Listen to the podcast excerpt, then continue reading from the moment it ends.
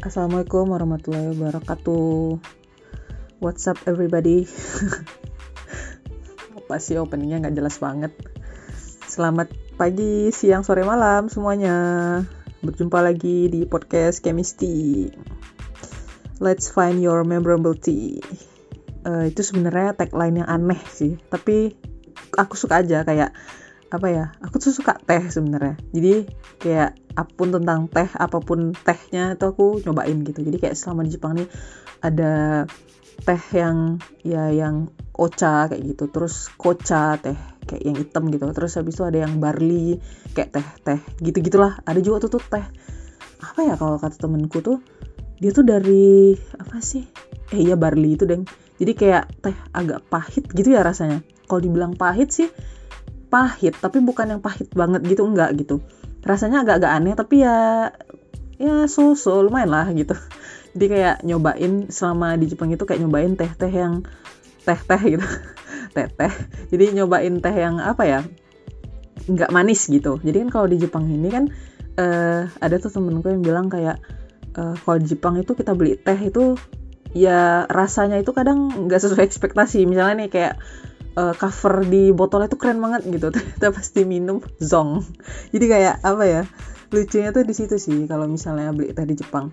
Jadi bener-bener harus uh, tahu gitu kayak ini tuh tehnya tuh teh yang ada rasanya apa enggak gitu. Di sini lemon tea juga ada gitu terus straight tea juga ada uh, kayak milk tea juga ada. Tapi beli milk tea di sini sih aku jarang gitu karena uh, ada biasanya ada emulsifiernya kan jadi mesti harus hati-hati gitu. Kadang ada yang bisa diminum eh, emulsifiernya ada yang dari misalnya dari nabati gitu. Nah itu bisa tapi ada yang nggak dari nabati nah itu kan nggak bisa gitu turunan hewan kayak gitu. Karena kan kita nggak tahu hewan-hewan apa yang dipakai gitu. Jangan-jangan babi gitu. Kita nggak tahu meragukan gitu ya. Nah jadi uh, aku memilih untuk nggak minum gitu nggak minum milk tea yang uh, meragukan itu gitu. Nah jadi tuh uh, malam hari ini ya tadi tiba-tiba bahas teh gitu ya. Jadi sebenarnya tuh malam hari ini tuh pengen ngebahas sesuatu yang uh, apa ya pengen ini aja sih pengen nyampein keresahan keresahan aku aja sih sebenarnya. Cuma kayaknya kalau keresahan tuh terlalu berlebihan ya kayak menyampaikan isi pikiran aku aja sih sebenarnya. Jadi uh, biasanya kan aku bahas mengenai uh, studi dan riset di Jepang gitu ya. Tapi mungkin kali ini sebenarnya bukan karena bosan ya cuma karena kayak ya sekali ganti topik lah kayak gitu. Sebenarnya eh tapi ini ini ada aku tuh sebenarnya uh, sejujurnya ya sejujurnya. Awalnya ini aku pengen cerita jadi kayak awal-awalnya tuh aku sebenarnya buat podcast ini nggak buat bahas ini loh. Nggak buat bahas studi-studi gitu sebenarnya serius. Jadi kayak dari awal itu aku buat podcast ini sebenarnya buat buat ini buat nge monologin puisi-puisiku kayak gitu. Jadi kan aku buat aku biasa buat puisi gitu tapi aku simpan simpan aja di laptop gitu kan. Nah jadi waktu itu temenku pernah bilang gitu kan uh, waktu itu dia pernah bacalah beberapa puisi-puisi yang gue buat gitu. Terus dia bilang buat kayak ini dong monolog gitu gitu. Terus kasih lagu-lagu gitu belakangnya. Terus akhirnya um, ya aku cobalah waktu itu buat di podcast kan. Nah jadi mungkin ada satu apa dua episode di pod, di podcast aku ya awal-awal ini tuh kan ada yang kayak puisi gitu tuh. Nah jadi itu tuh uh, rencananya tuh podcast ini tuh tujuannya buat itu gitu. Jadi karena aku kan tipe orang yang kayak nggak mau sebenarnya di depan kamera kayak gitu. Kayak apa ya sebenarnya? Karena tuh aku kalau misalnya ngomong itu tuh aku nggak bisa lihat kamera gitu. Nah makanya aku mal paling males sebenarnya kayak kayak misalnya nih ada yang uh, apa ngajak podcast misalnya ngajak podcast uh, via Zoom meeting misalnya. Jadi kayak direkam terus habis itu di-upload kayak gitu. Itu aku setelah mendapatkan rekaman ya aku benci banget karena aku tuh ngomong nggak bisa lihat kamera gitu. Jadi kayak misalnya ada orang ngajak live gitu. Nah, jadi tuh aku sebenarnya kenapa lebih suka ngajak live orang-orang yang udah aku kenal dan orang-orang yang sering live sama aku misalnya. Jadi kayak teman-teman lah teman-teman aku gitu. Karena mereka tuh tahu kayak aku tuh ngomong tuh nggak bakal lihat kamera gitu loh. Kalaupun lihat kamera tuh ya lihat terus habis itu ngelihat ke atas lagi ngeliat ke mana kayak gitu. Karena aku dalam proses berpikir dalam aku mengkreasikan sesuatu di dalam kepala itu aku nggak bisa ngelihat ke satu arah gitu nggak bisa gitu. Nah jadi makanya sejauh ini tuh podcast adalah sesuatu yang sangat-sangat nyaman bagi aku kayak gitu. Nah tapi kan ya podcast ini kan definisinya berkembang ya sering berjalan waktu. Dulu kan podcast ya memang kayak kita dengerin radio aja gitu. Jadi kayak nggak ada nggak ada podcast yang di videoin kayak gitu. Nah tapi kan zaman sekarang ya podcast itu ya bisa masuk YouTube juga kayak gitu. Nah itu ya biasalah perkembangan zaman kayak gitu kan. Nah tapi aku memang memang sejauh ini masih masih lebih nyaman kayak gini. Tapi ada ini sih ada kayak uh, rencana mau buat video YouTube gitu. Tapi itu kayak nggak tahu kapan kayak gitu. Dan mungkin aku tuh lebih pede kalau misalnya buat YouTube video itu tuh ada ada temennya kayak gitu. Jadi kalau misalnya ngobrol tuh ada ada orang yang aku ajak ngobrol kayak gitu kan. Sekarang soalnya masih sendiri gitu. Bercanda bercanda. Jadi enaknya tuh kayak gitu. Jadi maksudnya ngobrol ada dua atau tiga orang lah kayak gitu di dalam podcast yang memang kalau misalnya memang mesti nunjukin wajah kayak gitu pengen sih buat sendiri tapi masih menyiapkan mental untuk itu gitu kan.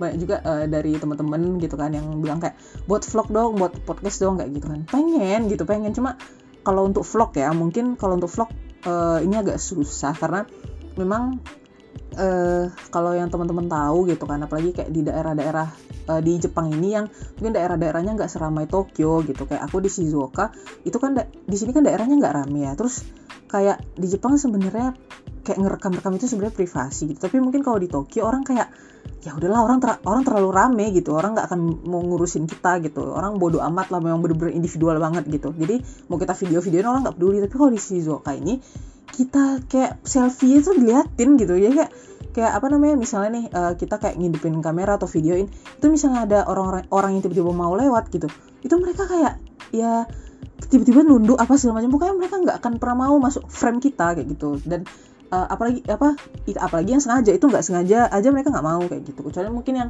udah kenal sama kita terus mereka memang mau eks, diekspos kamera kayak gitu. Nah tapi kalau misalnya enggak itu tuh susah banget kayak gitu. Terus juga uh, menjaga privasi kayak misalnya di lab nih menjaga privasi laboratorium kayak gitu. Nah karena kan kita nggak tahu nih apakah si sensei ini mengizinkan kita untuk ngerekam rekam kayak gitu kan.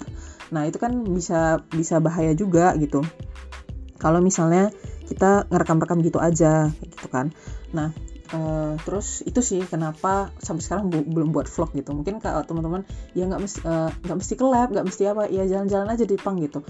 Ya itu tadi gitu kan. Mungkin alasan kedua sih lebih kayak pulang lab itu udah udah ini ya udah tepar duluan kayak gitu. Karena ada prioritas lain juga riset kan kayak gitu mungkin kalau kalau misalnya aku S1 kali ya mungkin S1 kan prioritasnya beda kayak gitu. S1 kan lebih kayak explore diri mengembangkan diri dan segala macam. Itu udah aku lewati atau S1 gitu. Nah sekarang kan aku S2 S2 ini memang uh, bidangnya udah lebih spesifik. Terus kita memang ya aku master Jepang itu kan master by research. Jadi memang dari awal kita masuk lab kayak gitu. Itu kita udah apa namanya udah udah dapat sensei kayak gitu. Terus kita mesti tiap pekan itu kita ada progress report gitu. Jadi kita nggak bisa yang sembarang kayak nggak ada progress sebulan nggak ada progress itu nggak boleh kayak gitu. Jadi kita tiap pekan tuh ada yang kita lakuin kayak gitu.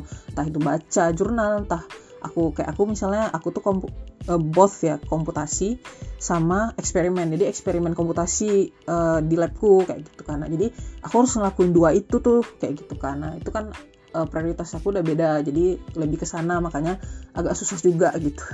Ngatur waktu dan segala macamnya kayak gitu. Nah terus uh, kalau misalnya nih uh, kayak ada teman-teman yang minta kayak uh, buat di ini dong kayak misalnya podcast ini gini-gini nih buatnya di YouTube dong nggak gitu. Jadi biar lebih kesebar aja videonya infonya kayak gitu kan.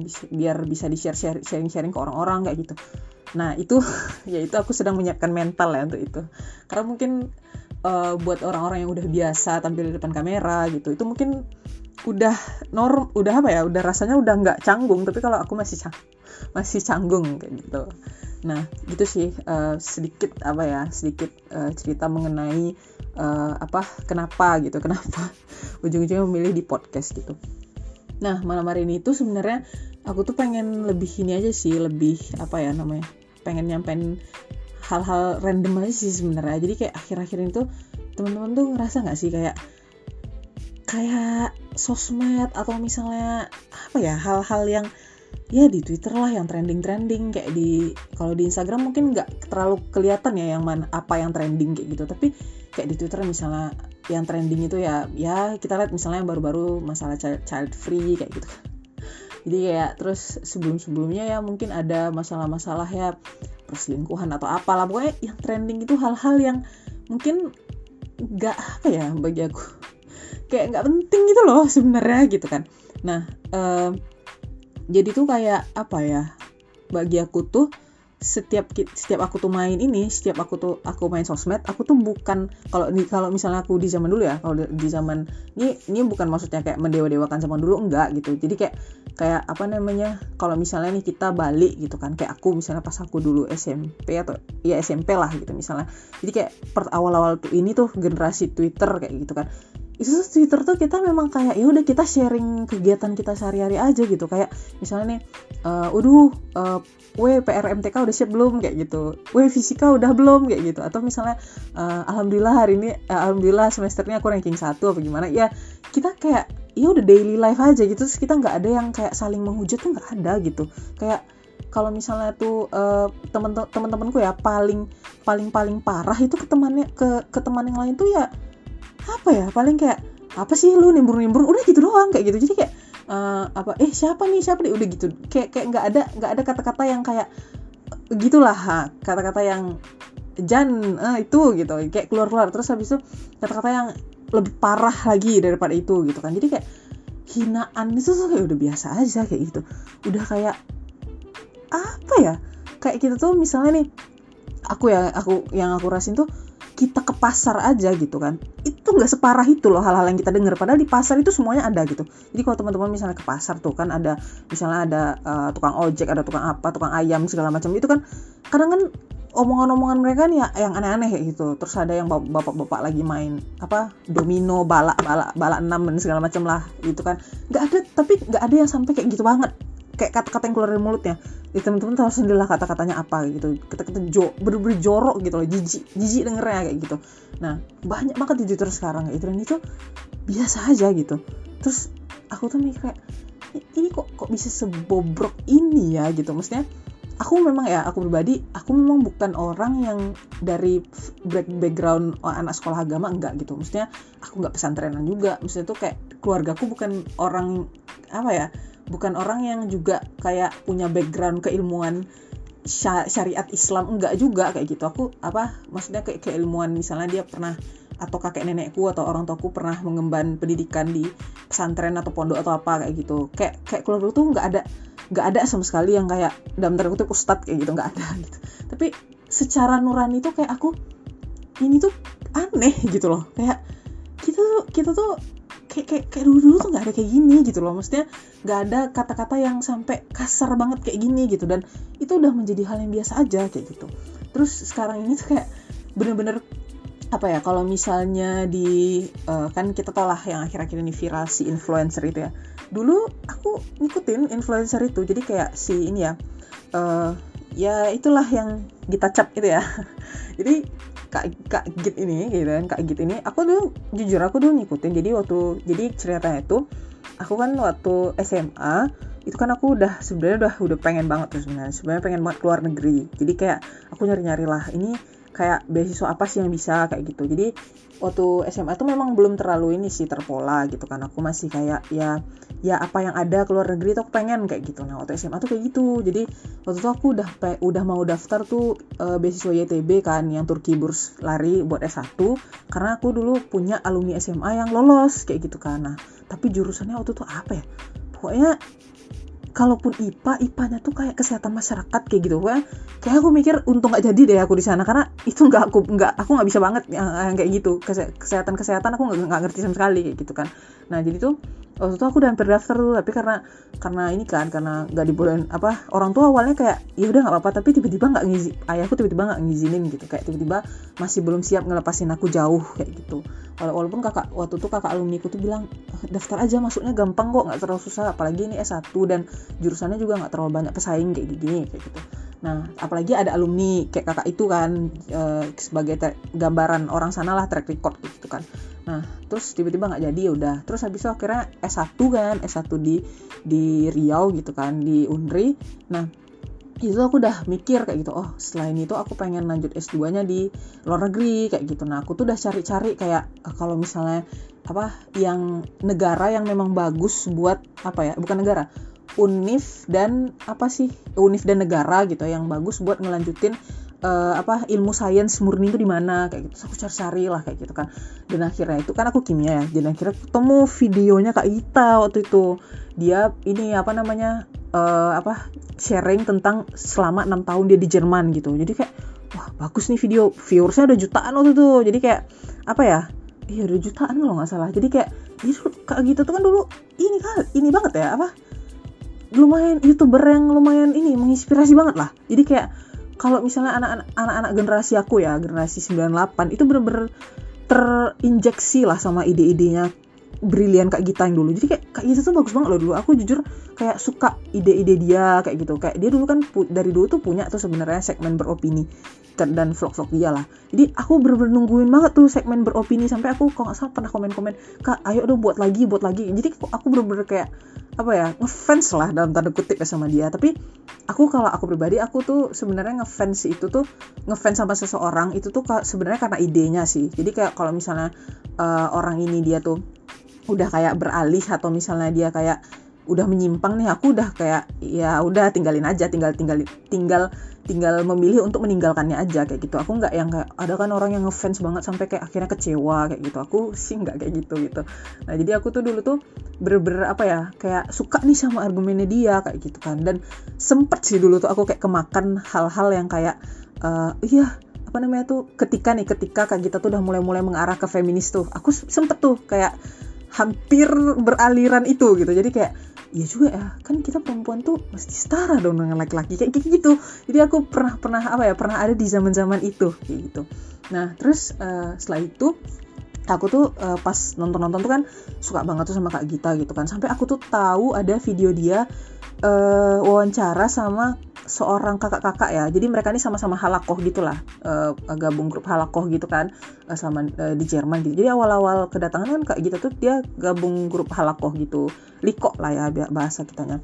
Nah jadi memang memang bener-bener keren lah kayak gitu. Jadi kayak wow mantep banget ya kayak gitu. Terus dia nge-share kayak uh, tips apa sih namanya keuangan kayak gitu-gitu. Terus seleksi-seleksi kayak student college di, di Jerman tuh kayak mana dan segala macamnya. Dia aku bener-bener ngikutin karena aku pengen banget abis aku S1 aku ke Jerman kayak gitu.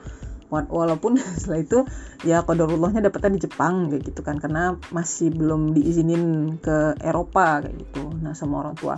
Nah uh, tapi ada di titik waktu itu kenapa aku nggak lagi ngikutin nih ngikutin kak Git ini gitu kan. Waktu itu sempet tuh inget gak yang uh, ada dua orang komedian gitu ya jebol apa satunya jebolan suci gitu. Lupa suci satu atau suci dua ya dia. Jadi tuh kan dia bilang uh, yang ini loh yang dia bilang uh, di dalam stand upnya itu uh, kalau misalnya Allah itu sayang sama orang hamba, seorang hamba gitu dia akan memberi cobaan gitu kan.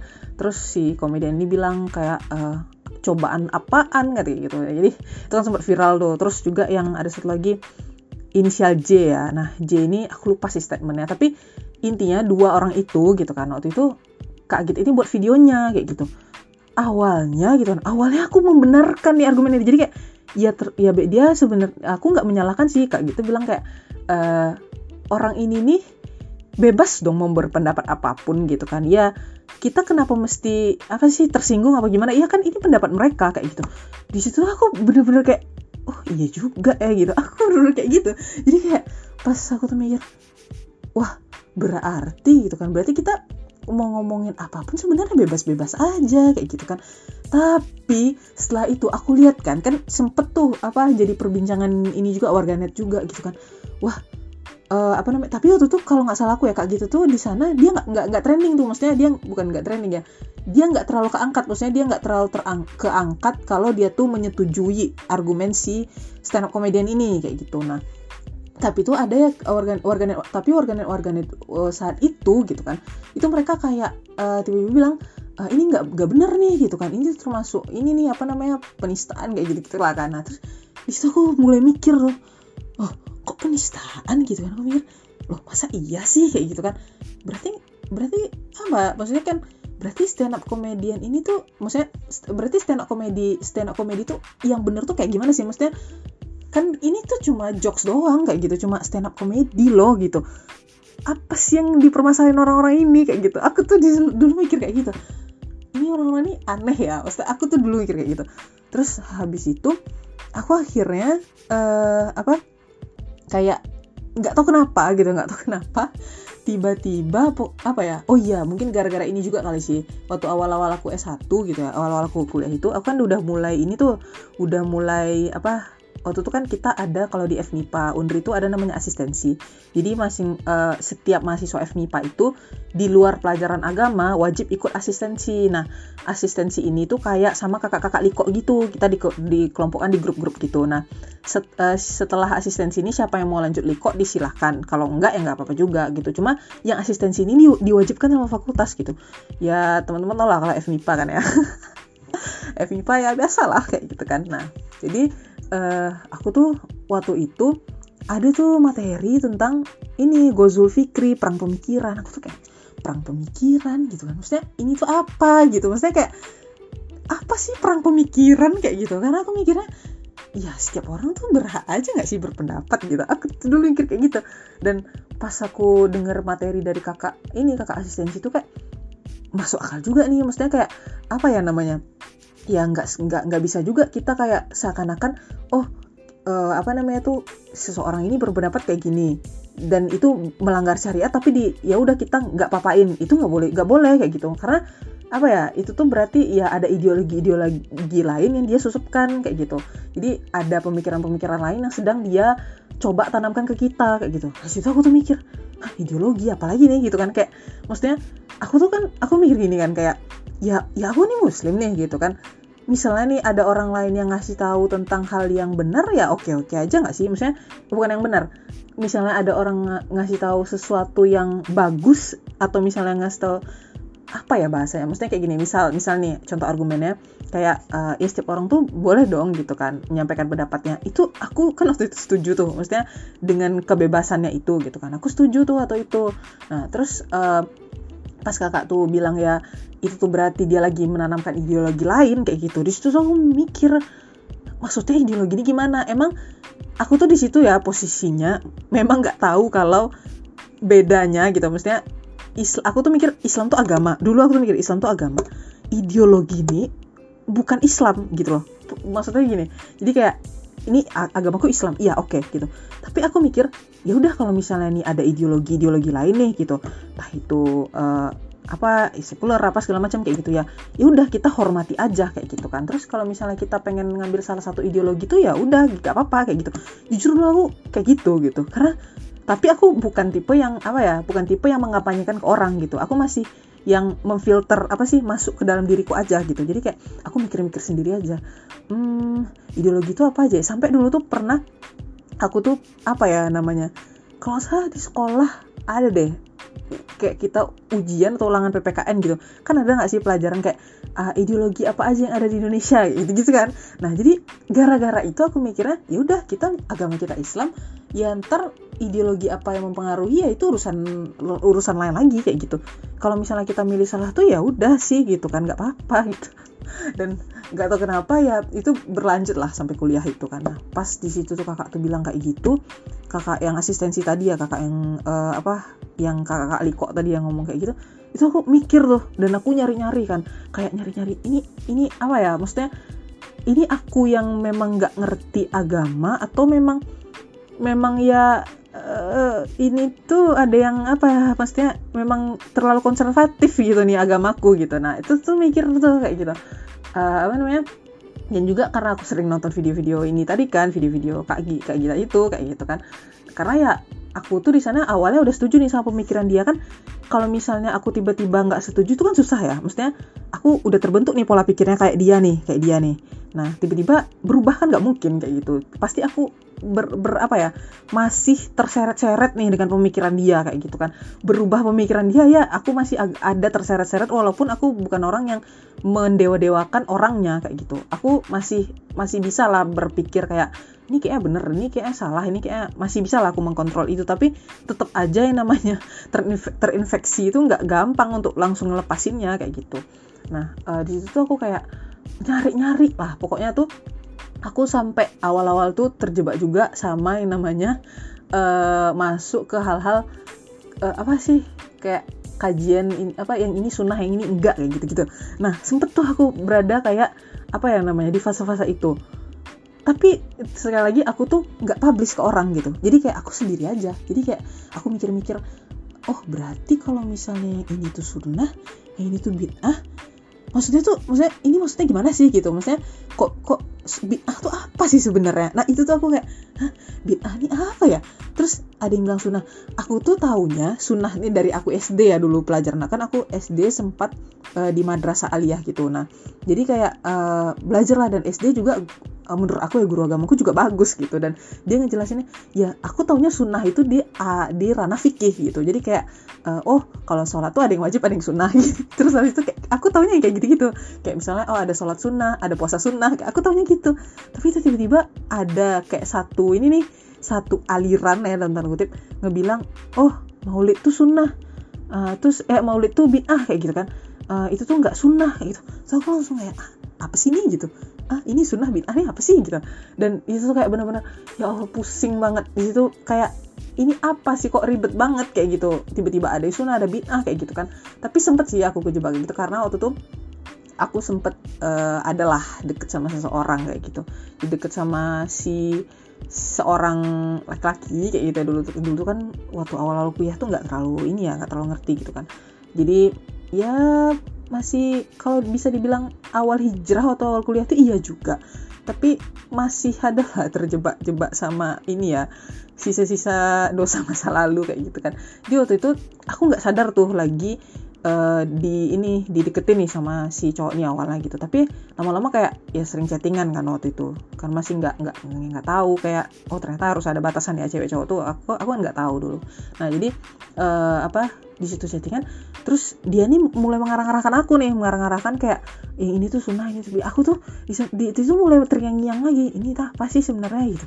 Ini kenapa dia tiba-tiba ngomong bid'ah bid'ah gini sih? Gitu. Nah terus setelah itu apa namanya ada sih ini apa satu hal yang ngebuat aku nggak dekat lagi sama dia kayak gitu. Dan ini aku bener-bener pakai akal sehatku ya waktu itu. Jadi kayak aku kan apa ya namanya nggak suka ya orang yang dia tuh eh, nggak uh, konsisten ya sama ucapannya kayak gitu. Jadi uh, awalnya dia tuh ngebilang ke aku tuh ngegaun-gaunkan sunnah sunnah sunnah apalah kayak gitu tapi eh, terus eh terus tiba-tiba dia tuh ini bilang kan kayak uh, dia cerita tuh sama aku ini nih di tempat kuliahku ada cewek yang ini selalu deket-deket aku kayak gitu kan. Padahal kan nggak boleh deket-deket cewek cowok kayak gitu. Terus di situ aku tuh sadar hah? Dia bilang nggak boleh deket cewek cowok tapi dia chat aku terus gitu kita chattingan terus. Terus akhirnya aku bilang e, loh kok kamu bilang kayak gitu? Padahal kamu kan chatting aku. Terus habis itu dia bilang kayak gini ya aku kan chatting kamu ngasih tahu tentang agama yang mana yang baik yang mana yang benar. Di situ aku langsung kayak hah? Berarti kamu gak konsisten dong sama apa yang kamu bilang? Aku aku langsung beneran lo bilang ke tuh cowok aku bilang berarti kamu gak konsisten nih sama apa yang kamu bilang gitu. Karena kan kamu bilang kamu tuh ikut sunnah. Terus kamu bilang cewek itu nggak boleh deket-deket sama kamu tapi kamu deket-deket sama aku. Kan walaupun konten kamu tuh konten agama tetap aja nggak boleh gitu. Kan yang namanya aturannya kamu harus konsisten lah gitu. Setelah itu dia nggak pernah chat aku lagi kayak dia udah renggang gitu aja kayak gitu. Padahal itu itu ya kita kenalnya baik-baik kayak gitu kan. Setelah itu bener-bener gak, gak ada gitu gak ada komunikasi apa apa kayak gitu. Dan aku mikir ya nggak salah aku gitu kan. Itu salah dia kenapa dia gak konsisten gitu. Tapi di situ mikir ya udahlah kayak gitu. Terserah terserah dia mau pergi ya pergi lah kayak gitu nggak peduli. Nah terus aku mulai nyari-nyari tuh nyari-nyari kayak di video video di YouTube kan. Aku kan suka nonton YouTube ya. Jadi sebenarnya dari dulu tuh kayak nyari video lecture kayak gitu video-video kuliah tuh aku dapat dari YouTube semua kayak gitu kan. Di saat teman-temanku tuh bingung gitu kan. Ini gimana nih? Aku nggak ngerti ini nggak ngerti. Terus aku bilang itu kamu tuh tinggal buka YouTube tuh semuanya ada kayak gitu. Ngapain kamu ngeluh-ngeluh? Buka Google semuanya ada kayak gitu kalau belajar sains mah nggak usah dipikirin gitu kan. Kalau belajar agama kan ya mesti harus ke guru ada sanatnya kan kayak gitu. Kalau kalau misalnya belajar sains mah guru ngasih clue doang kita aja nyari kayak gitu. Ngapain mesti pusing kayak gitu kan. Nah jadi tuh uh, ya udah aku tuh nonton nonton ketemu video Ustadz Adi Hidayat. Jadi di situ kayak wah gila nih. Wah kok kok kok, kok keren banget nih kok keren banget nih gitu kan. Kayak ini bener-bener menyadarkan gue nih gitu. Ustadz Adi tuh ngejelasin manusia tuh dari mana datangnya? Kayak gitu. Maksudnya asal manusia tuh dari mana? Terus Ustaz Adi tuh ngejelasin silsilah dari Nabi Muhammad sampai Nabi Adam. Itu bener-bener aku di sana speechless. Ustaz Adi tuh nyebutin Muhammad bin Abdullah bin Abdul Muthalib bin apa bin apa bin apa kayak gitu. Sampai Nabi Adam. Dan itu aku terdiam. Ada orang sepintar ini.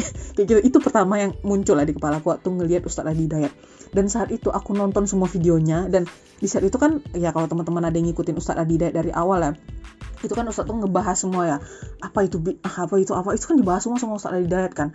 Jadi kayak uh, apa kajian-kajian Ustadz Adi Dayat tuh dulu banyak tematik lebih banyak tematik. Dan mungkin ya itu strategi strategi dakwah beliau. Kalau misalnya beliau dari awal udah netapin kayak pakai kurikulum kayak gitu kan. Kayak misalnya oh kita belajar akidah dulu terus habis itu fikih apa segala macam. Mungkin gak ada yang tertarik kayak gitu kan. Tapi awal itu beliau tuh buat tuh kayak kan channel YouTube beliau dulu tuh Quantum Akhir Institute ya. Apa eh bukan Quantum Akhir Institute. Akhir Quantum Akhir ya. Quantum Akhir channel atau apa gitu. Nah kan uh, apa sih nama apa sih namanya nama tem, nama perusahaan atau nama apa itu kan Quantum Akhir Institute ya nama lembaganya nama lembaganya. Nah uh, nama YouTube-nya dulu tuh ya Quantum Akhir channel apa gitu aku aku nggak inget nah jadi di situ kan semuanya nge-share entah itu live video live-nya kayak gitu kan. Uh, video-video kajian tematik Ustadz Adi semua ya hampir semua aku tonton kayak gitu kan. Jadi itu kayak ada video baru aku tonton sampai kayak pernah waktu itu aku kayak uh, apa apa sih namanya? Kuliah kan kalau di kimia kan kita mesti buat laporan ya capek. Terus uh, tapi buat laporan tuh ya walaupun ya buat laporan tuh bisa diangsur tapi tetap aja kita buatnya deadline gitu kan. Jadi malam itu aku ngerjain tuh malam. Sempat waktu itu memang sampai waktu itu pernah aku nggak memang nggak bisa tidur karena memang banyak banget deadline-nya. Dan akhirnya karena aku hampir tiap hari aku nonton tuh kajian Ustadz Adidaya tuh aku nonton gitu kan. Aku nonton sampai berulang-ulang gitu. Jadi kayak aku nggak paham aku nonton lagi nggak paham aku nonton lagi kayak gitu. Di situ aku kayak berber apa ya kayak waktu tuh nggak bisa tidur paginya pun aku sebelum ke kampus aku nonton satu video. Sebelum masuk kelas aku sempet nonton satu video. Jadi kayak sambil sambil nunggu temenku jemput kan. Jadi dulu kan aku awal-awal kuliah kan belum punya motor tuh. Baru semester 6 kan baru baru dikasih motor gitu. Karena waktu itu masih mempertimbangkan beli motor baru atau motor yang di rumah aja gitu kan. Yang dibawa kayak gitu nah akhirnya ya udah motor yang di rumah aja yang dibawa ke ini kan ke, kampus kayak gitu. Nah jadi tuh uh, sempet tuh temenku tuh kayak apa ya sebenarnya aku nggak nggak mau sih diantar jemput sama mereka tapi mereka tuh kayak nggak apa nggak usah jalan ja capek gitu. Akhirnya dijemput lah. Jadi sambil nunggu sambil nunggu temen tuh aku nonton kayak gitu kan video Ustadz Adi kayak gitu. Jadi dulu tuh kayak bener-bener ngikutin banget kayak gitu. Aku lupa sih kapan Ustadz Adi itu akhirnya ganti channel ya ganti channel. Mungkin karena banyak peristiwa ya karena waktu itu kalau misalnya teman-teman ngikutin uh, video Ustadz Adida tuh banyak yang dipotong-potong kayak gitu. Terus uh, karena kan Ustadz Adida dulu agak ini ya agak tegas ya. Maksudnya dalam tanda kutip uh, lumayan straight to the point. Jadi kayak agak kalau misalnya dipotong di bagian tertentu itu kesannya pedes banget kayak gitu. Padahal sebenarnya kita kalau nonton dari awal nggak kayak gitu maksud beliau kayak gitu. Nah mungkin karena kejadian-kejadian kayak gitu terus banyaknya ya banyaknya beliau mau diadukan ke pengadilan apa segala macam kayak gitu lah nah jadi mungkin ganti channel kayak gitu kan. Channel yang lama itu nggak nggak dipakai lagi kayak gitu. Nah walaupun mungkin beberapa channel masih ada yang menyimpan video-video potongannya dan segala macam kayak gitu. Nah jadi tuh uh, di situ tuh aku kayak kayak apa namanya uh, deket apa namanya tuh kayak mulai inilah coba mendekatkan diri gitu kan mendekatkan diri sama Allah belajar Islam kayak gitu kan. Itu tuh kayak apa ya aku nggak tahu sih titik baliknya gitu ya. Titik baliknya aku tuh kayak yang bener-bener klik gitu kan kayak ih aku harus hijrah nih kayak gitu. Nggak ada sih sebenarnya nggak ada titik balik itu. Karena nge apa ya flow apa flow flow with apa ya kayak kayak ngalir aja gitu. Jadi kayak misalnya waktu tuh kajian Ustadz Adi kayak gitu kan. Aku tuh akhirnya ter, tercerahkan pikiran aku kayak gitu kan. Terus waktu kapan ya? Waktu aku kayaknya semester yuk ngaji itu kapan ya adanya? Yang ininya Ustadz Felix sama Ustadz Usen sama Ustadz Cahyo. Aku tuh nggak tahu sih tapi aku mulai rutin nonton yuk ngaji itu sejak memang uh, mulai sering live kayak gitu mereka. Jadi kayaknya waktu akhir-akhir S1 deh akhir-akhir S1 ya sampai sekarang kayak gitu kan nonton yuk ngaji kayak gitu. Nah itu tuh aku ngerasain yang bener-bener uh, oh ternyata orang nyampein Islam tuh nggak mesti kaku ya kayak gitu. Terus orang yang nyampe Islam tuh tetap asik kok kayak gitu gitu nah jadi kayak apa sih namanya uh, di situ kayak aku bener-bener ngerasain kayak apa ya namanya ini loh apa sih ini loh ideologi yang bener ini loh uh, apa ken apa kenapa kamu itu mesti beragama? Karena kalau misalnya kamu gak beragama kamu tuh nggak nggak akan punya visi kayak gitu. Nah jadi kan yang aku jelasin tadi di awal gitu kan aku kan bingung tuh. Maksudnya aku tuh bener-bener uh, bingung sama fenomena sekarang. Ini kenapa sih bisa separah ini? Kayak gitu. Kenapa sih bisa sampai uh, netizen netizen atau anak-anak muda di Indonesia itu tuh bener-bener terombang ambing gitu ya? Bener-bener bingung sama apa yang mereka rasain sekarang gitu. Bener-bener kayak nggak tahu tujuan arah tujuan hidup mereka ke mana. Kayak misalnya ya teman-teman tuh lah lihat aja di Twitter itu tuh isinya tuh apa-apa aja kayak gitu kan. Kayak misalnya di base base itu kan banyak yang kayak tiba-tiba ngelapor ih kita tuh habis ini apa saling berhubungan ya having sex lah kayak gitu. Kita tuh sama-sama mau kayak gitu. Tapi aku, akhirnya dia lari tanggung jawab lari dari tanggung jawab dan aku hamil gitu. Aku tuh mikir kok bisa dia mau? Maksudnya dia mau di misalnya nih dia mau diajak ke hotel. Emang dia pikir ke hotel itu ngapain? Emang dia mikir ke hotel itu main catur apa? Emang dia pikir ke hotel itu apa sih kalau kata orang Twitter merumuskan naskah proklamasi naskah sumpah pemuda? Kan enggak gitu. Jadi kayak ke hotel itu ya pasti ngelakuin itu gitu loh. Jadi kayak aku mikir ini cewek-cewek juga pada aneh kayak gitu kan udah udah mulai apa ya chaos sih menurutku keadaan sekarang. Jadi kayak udah udah nggak ngerti lagi kayak gitu kan udah udah nggak paham lagi. Cuma aku aku berpikirnya ya berarti tuh ada yang ini tuh ada yang apa sih namanya ada yang salah dari cara berpikir sih. Karena aku mikirnya tuh kalau misalnya kita itu nggak nggak apa ya nggak menyadari kalau cara berpikirnya yang salah ya kita nggak akan bisa menyelesaikan masalah dari akarnya kayak gitu. Nah jadi yang aku lihat di fenomena sekarang tuh orang banyak yang mungkin masih apa ya berpikir menyelesaikan masalah itu ya nggak dari akar. Maksudnya tuh kayak gini. Jadi kayak misalnya ada orang-orang yang uh, punya pemikiran yang dalam tanda kutip sesat gitu ya. Punya pemikiran yang aneh lah kayak gitu. Nah terus si dalam tanda kutip si pendakwah pendakwah yang katanya paling apa punya kunci surga ini kayak gitu kan. Itu mereka kayak uh, apa namanya kayak seakan-akan kamu mau masuk neraka ya kayak gitu.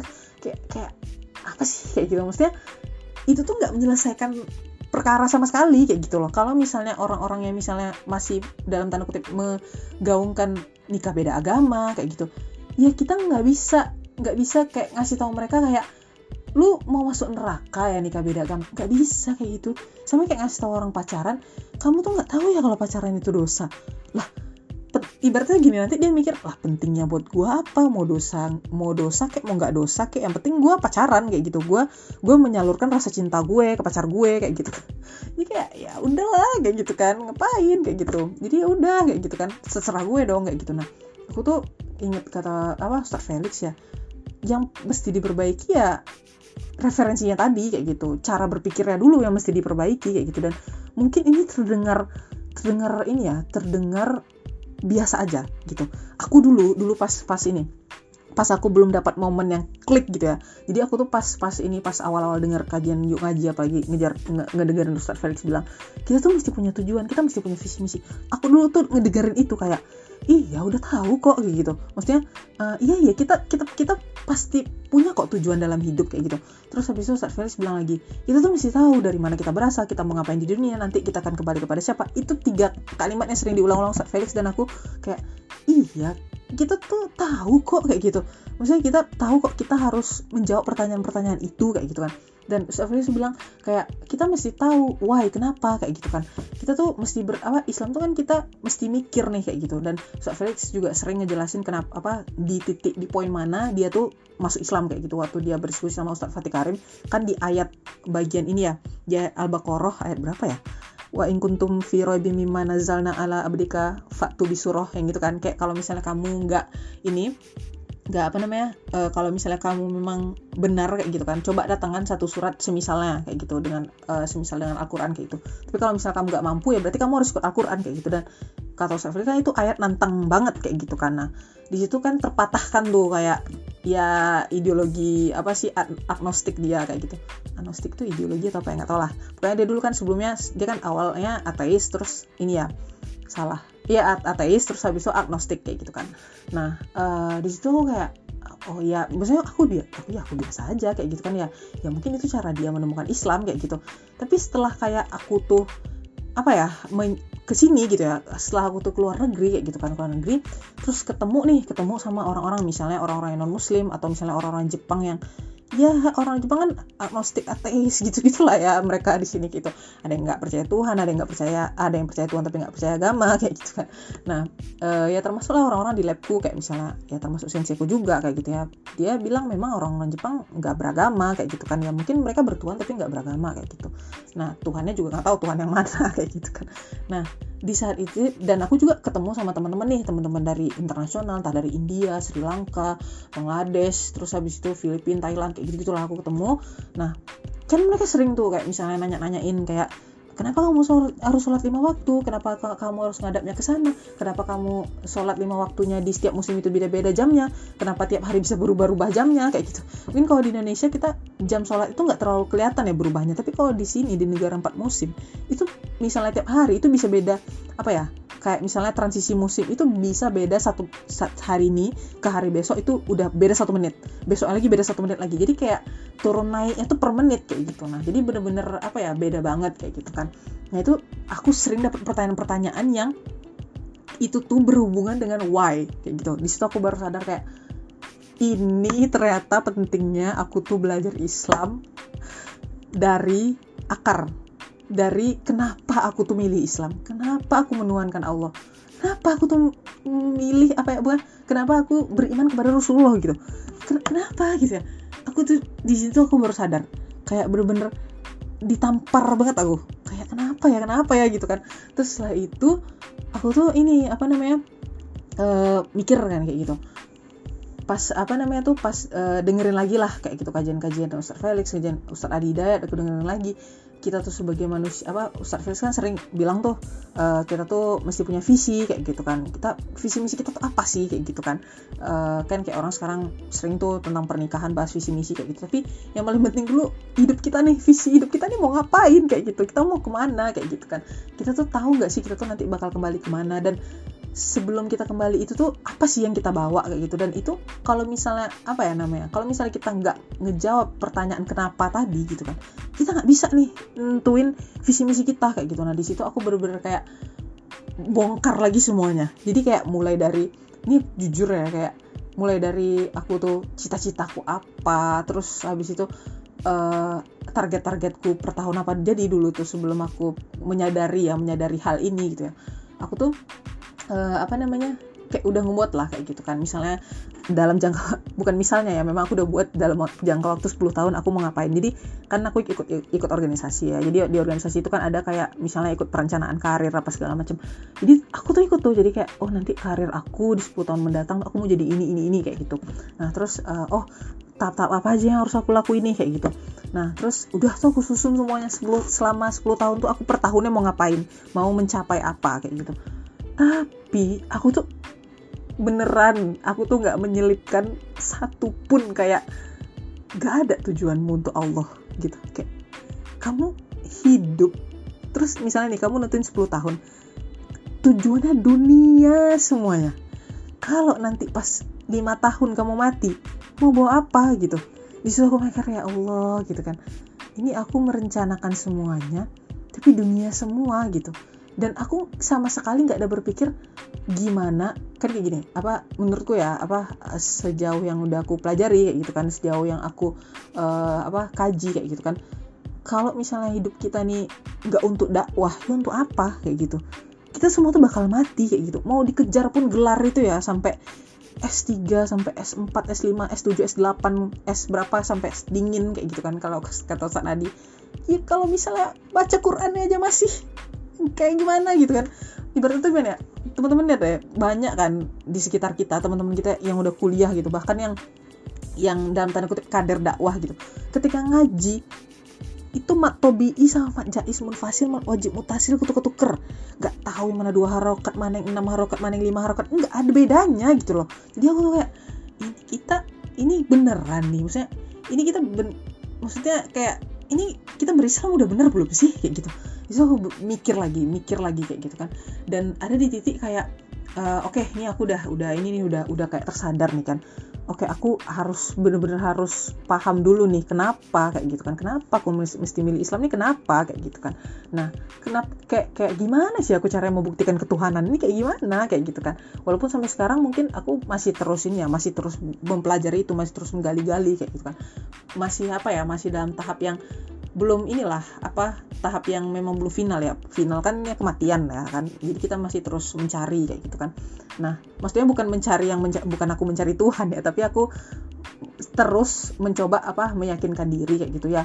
Memang kita semua akan kembali kepada Allah. Memang Tuhan kita tuh ya Allah kayak gitu ya. Nggak nggak ada nggak ada yang lain kayak gitu loh nah jadi kayak masih terus mempelajari itu dan juga masih kayak uh, mencoba apa sih men mencari bukti-bukti yang memang aku bisa jelaskan ke orang gitu. Karena sejak aku berada di dunia yang yang internasional kayak gini gitu ya bertemu dengan orang yang beragam misi pikirannya gitu aku menurutku aku harus bisa menjelaskan aku sebagai muslim tuh aku tuh kenapa menuhankan Allah kayak gitu kenapa aku memilih Islam tuh aku udah harus sebenarnya harus aku harus sudah tahu kayak gitu aku harus harus sudah clear. Dan aku sekarang tuh oke okay, aku udah clear tapi mungkin aku masih butuh waktu buat kayak gimana nih mendeliver delivering message-nya.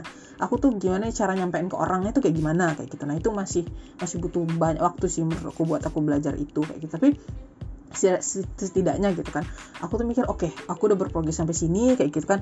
Dan ada di titik kayak aku tuh tiba-tiba waktu tuh pulang ini ya pulang kampus gitu kan pulang kampus tiba-tiba jalan kayak gitu. Jalan jalan jalan.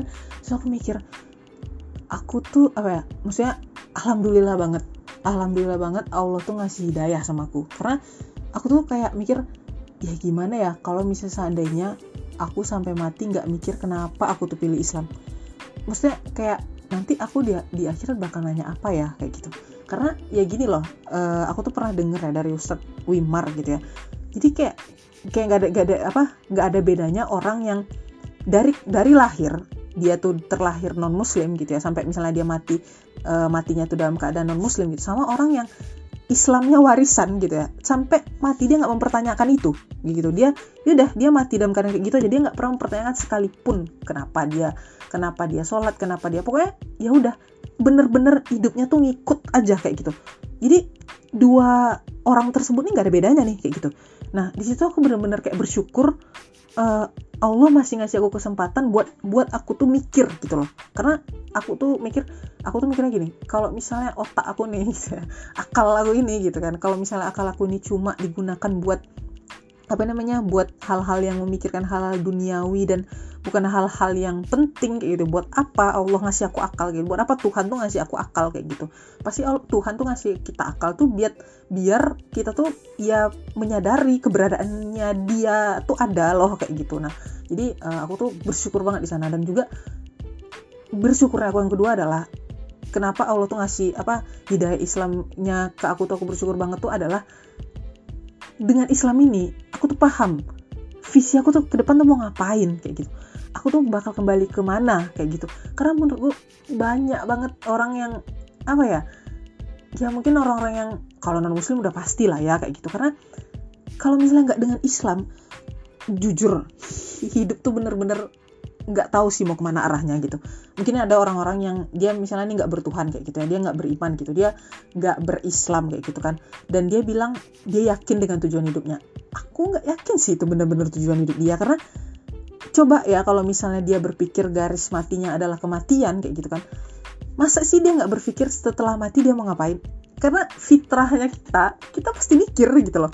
Kita pasti kita pasti ada uh, misalnya nih orang yang mencari nih mencari tujuan hidup dia dia kalau bener-bener konsisten bener-bener terus mencari dia pasti dapat Allah pasti dapat Islam. Karena Islam yang menjawab bener-bener sampai ujung gitu. Ujungnya tuh kematian oke okay, gitu kan. Tapi kan dia pasti berpikir ah masa iya sih kita habis mati kita nggak diapa-apain? Kayak gitu. Karena kan apa ya kalau misalnya nggak diapa-apain gitu nggak nggak adil dong gitu. Maksudnya uh, di mana letak di mana letak adilnya hidup ini kayak gitu. Oke lah misalnya dia nggak nggak nggak ini ya belum ada ma memasukkan narasi Tuhan. Tapi ya di mana letak adilnya hidup ini gitu. Kayak misalnya nih ada orang yang jahatin kita atau misalnya ada orang yang uh, jahat sama orang lain kayak gitu gitu kan. Dia kejahatannya tuh kayak misalnya membunuh banyak orang kayak gitu. Dan nggak ada nggak ada apa sih namanya? Nggak ada sesuatu hal yang bisa uh, membalas kejahatan ini kecuali nanti setelah dia mati kayak gitu. Maksudnya kecuali nanti kecuali ada yang pencipta kita, ada yang maha segalanya yang membalas itu. Karena kita di dunia ini paling banter membalas satu orang tuh dengan bunuh gitu. Dan bunuhnya pun kita cuma bisa bunuh satu kali nyawa kayak gitu. Tapi kalau misalnya kita berpikir lagi berpikir gimana sih yang adil konsep yang adil tuh kayak gimana sih? Oh ternyata Islam ngasih itu semua. Islam bilang nanti ketika di akhirat gitu kan. Ya seseorang itu dibalas sesuai dengan apa yang dilakukan gitu. Sesuai sesuai banget. Allah itu bakal apa ya Allah tuh kan maha adil gitu. Allah tuh bakal kasih seadil-adilnya kayak gitu kan. Gak ada yang dikurangi gak ada yang ditambah kayak gitu. Nah itu tuh kayak aku mikir di situ aku ber bersyukur bener-bener kayak alhamdulillah dikasih ini dikasih nikmat kayak apa petunjuk aku tuh aku tuh bakal kembali ke Allah. Itu tuh bener-bener nikmat luar biasa gitu. Jadi kalau apa ya namanya kalau misalnya nih teman-teman sampai sekarang gitu kan sampai sekarang masih masih apa biasa ya dengan hal ini gitu. Masih masih merasa kayak ya udahlah gitu. Kita memang memang ini memang tujuan hidup kita ya ya udah kita berbuat baik bermanfaat gitu. Menurutku ya coba coba di ini lagi. Apa sih namanya? Coba rom apa ya? Bukan rombak ya maksudnya coba di kulik lagi gitu. Maksudnya coba dites lagi nih gitu kan. Cara berpikir kita kayak gitu. Coba di diuji lah ya ibaratnya kayak gitu. Kita tuh udah bener-bener ngerti belum sih sebenarnya sama tujuan hidup kita kayak gitu. Kita tuh udah ngerti belum sih Allah tuh pengennya kita tuh kayak gimana kayak gitu. Dan ya gitu sih apa namanya uh, dari yang apa aku tujuan mau nyampein ini tadi kayak gitu kan ya uh, fenomena yang kita lihat sekarang ini kayak gitu kan ya. Karena itu tadi karena tidak paham tujuan kayak gitu. Nah jadi uh, apa dari apa dari hal-hal fenomena-fenomena yang uh, aku lihat sekarang kayak gitu kan. Ke kebingungan-kebingungan di sana sini kayak gitu ya. Karena tidak punya prinsip tidak punya tujuan kayak gitu kan. Dan ya itu tadi ya itu permasalahan yang memang kompleks kayak gitu. Dan menurutku nggak bisa permasalahannya bukan satu dua hari dan bukan soal satu dua orang kayak gitu. Dan bagi aku kayak gitu kan dan bagi aku pribadi mungkin ya jika ada gitu di sini orang yang dalam tanda kutip kalian-kalian misalnya yang berdakwah kayak gitu tolong kayak bagi aku ya jangan kalian berpikir kayak kelompok kalian doang gitu yang mesti diselamatin. Kayak kayak bakal kelompok kalian doang yang masuk surga kayak gitu. Kan aku mikir ini tuh teman-teman kita saudara-saudara kita. Jangan pikir dulu yang ini secara kemanusiaan ya saudara-saudara kita seiman kita gitu. Udah banyak banget yang yang terseret sama pemikiran-pemikiran aneh kayak gitu. Yang pemikiran liberal sekularisme feminis dan lain-lain lah dan teman-temannya itu gitu ya. Nah ini tuh ini tuh tugas kolektif loh gitu. Ini nggak nggak tugas sendiri gitu loh. Kalau misalnya kita memang peduli sama orang kayak gitu kan kalau memang kita kalau memang kalian ngakunya tuh dai berdakwah kayak gitu ya pikirin Allah tuh maunya kalian tuh dakwahnya kayak apa kayak gitu. Allah tuh pengennya kalian itu kayak gimana gitu? Kan kita kita semua sih apa ya kalau misalnya memang memang mengakunya pendakwah kayak gitu kan ya harusnya tahu lah kayak gitu kan. Nggak mudah membiakan nggak mudah mengharam-haramkan kayak gitu. Maksudnya ya kita tuh paham lah kayak gitu kan uh, kayak gimana caranya gitu. Mungkin ada juga orang yang uh, masih ini ya masih masih menganggap kalau misalnya dia yang paling benar kayak gitu ya. Kita ya mungkin dia apa ya masih nggak tahu kalau misalnya itu salah kayak gitu kan ya. Ya udah gitu kan kita doakan aja kayak gitu. Tapi kalau misalnya apa sih namanya uh, kita di sekitar teman-teman di sekitar teman-teman punya nih orang-orang kayak gitu ya. Coba diiniin apa ya ya tolonglah kalau misalnya kita tuh berdakwah kita tuh mau merangkul orang lain tuh jangan dengan kasar kayak gitu.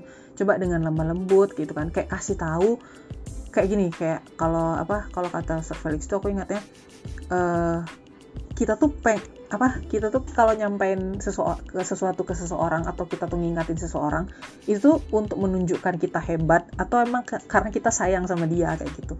Kalau kita memang sayang sama dia ya kita rangkul dia kayak gitu kan. Kita bukan malah mencaci maki dia kayak gitu karena jadi ini siapa namanya menurutku ya menurutku kayak uh, ini bisa jadi langkah kecil awal dulu sih. Jadi bagi mungkin bagi para ini ya bagi para pendakwah kayak gitu ya. Aku aku pribadi gak gak bisa sih maksudnya uh, kayak menjudge langsung aku tuh aku adalah pendakwah nih kayak gitu kan. Kayak, kayak aku mikir aku gak sepede itulah gitu. Tapi aku pengen bagian pengen menjadi bagian dari itu sih kayak gitu. Nah jadi aku tuh mikirnya bisa nih maksudnya di dari dari orang-orang apa ya orang-orang yang sadar ini nih kayak gitu kan. Itu bisa loh sebenarnya uh, membangun ini sedikit demi sedikit kayak gitu. Karena menurutku ya permasalahan apalagi di negeri kita kayak gitu itu sangat-sangat kompleks kayak gitu kan. Ya ya mimpi kita menegakkan itu gitu ya. Teman-teman yang tahu gitu ya. Nah menegakkan itu itu nggak akan bisa tercapai kalau misalnya kita itu masih gerak sendiri-sendiri. Kita tuh harus secara kolektif. Orang yang nggak Islam aja tahu kok pergerakan kolektif itu penting gitu. Jadi jangan sampai kalah lah kita kayak gitu kan. Nah jadi uh, apa namanya?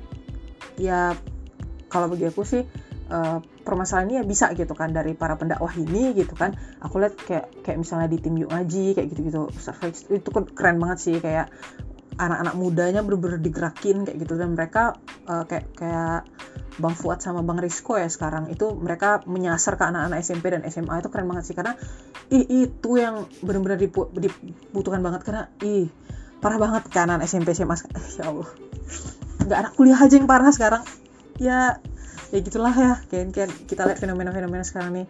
Sakit sakit kepala sakit jiwa kita ngelihatnya kayak setiap buka Twitter tuh ya Allah Rabbi ya Allah Rabbi kayak gitu gitu kayak ngucap-ngucap aja isinya kayak gitu kan. Ya mungkin bagi orang orang-orang yang udah biasa menghadapi, menghadapi kayak gitu ya mungkin santai ya kayak gitu. Mungkin aku yang masih Allahu Akbar Allahu Akbar kayak gitu. Kayak misalnya buka Twitter tuh ya Allah Astagfirullahaladzim kayak gitu, gitu sampai kemarin apa sih gempa Turki aja itu tuh masih ada yang kayak ini tuh konspirasi ya kayak woi tolong ini tuh gempa loh itu banyak korban jiwa gitu. Masih lu bahas konspirasi kayak gitu. Gimana di mana isi kepalanya ini manusia-manusia ini gitu. Sampai kayak ya udahlah gitu. Jadi kita sekarang tugas kita nih besar kayak gitu. Tapi kita bisa mulai dari langkah-langkah kecil kayak gitu kan. Intinya ini sih se sesepele keberpihakan kita sebenarnya. Jadi bukan masalah bukan masalah siapa yang melakukan langkah paling besar siapa yang berdampak lebih besar enggak gitu kan. Karena ya sebuah bangunan itu ya disusun dari dari batu bata juga kayak gitu batu-batu kecil juga kayak gitu kan kerikil-kerikil. Ya nggak semuanya mesti langsung jadi jendelanya yang kelihatan langsung kayak gitu. Ya nggak mesti kayak gitu gitu kan. Toh juga semuanya ya mulai dari awal juga kayak gitu kan. Sedikit demi sedikit. Gitu sih. Jadi mungkin uh, ini dulu keresahan yang pengen aku sampaikan gitu ya. Jadi kali ini tuh kita nggak bahas soal uh, riset-riset kayak gitu ya. Kita bahas mengenai ya keresahan ini tadilah fenomena di sos sosmed jagat raya sosmed kayak gitu.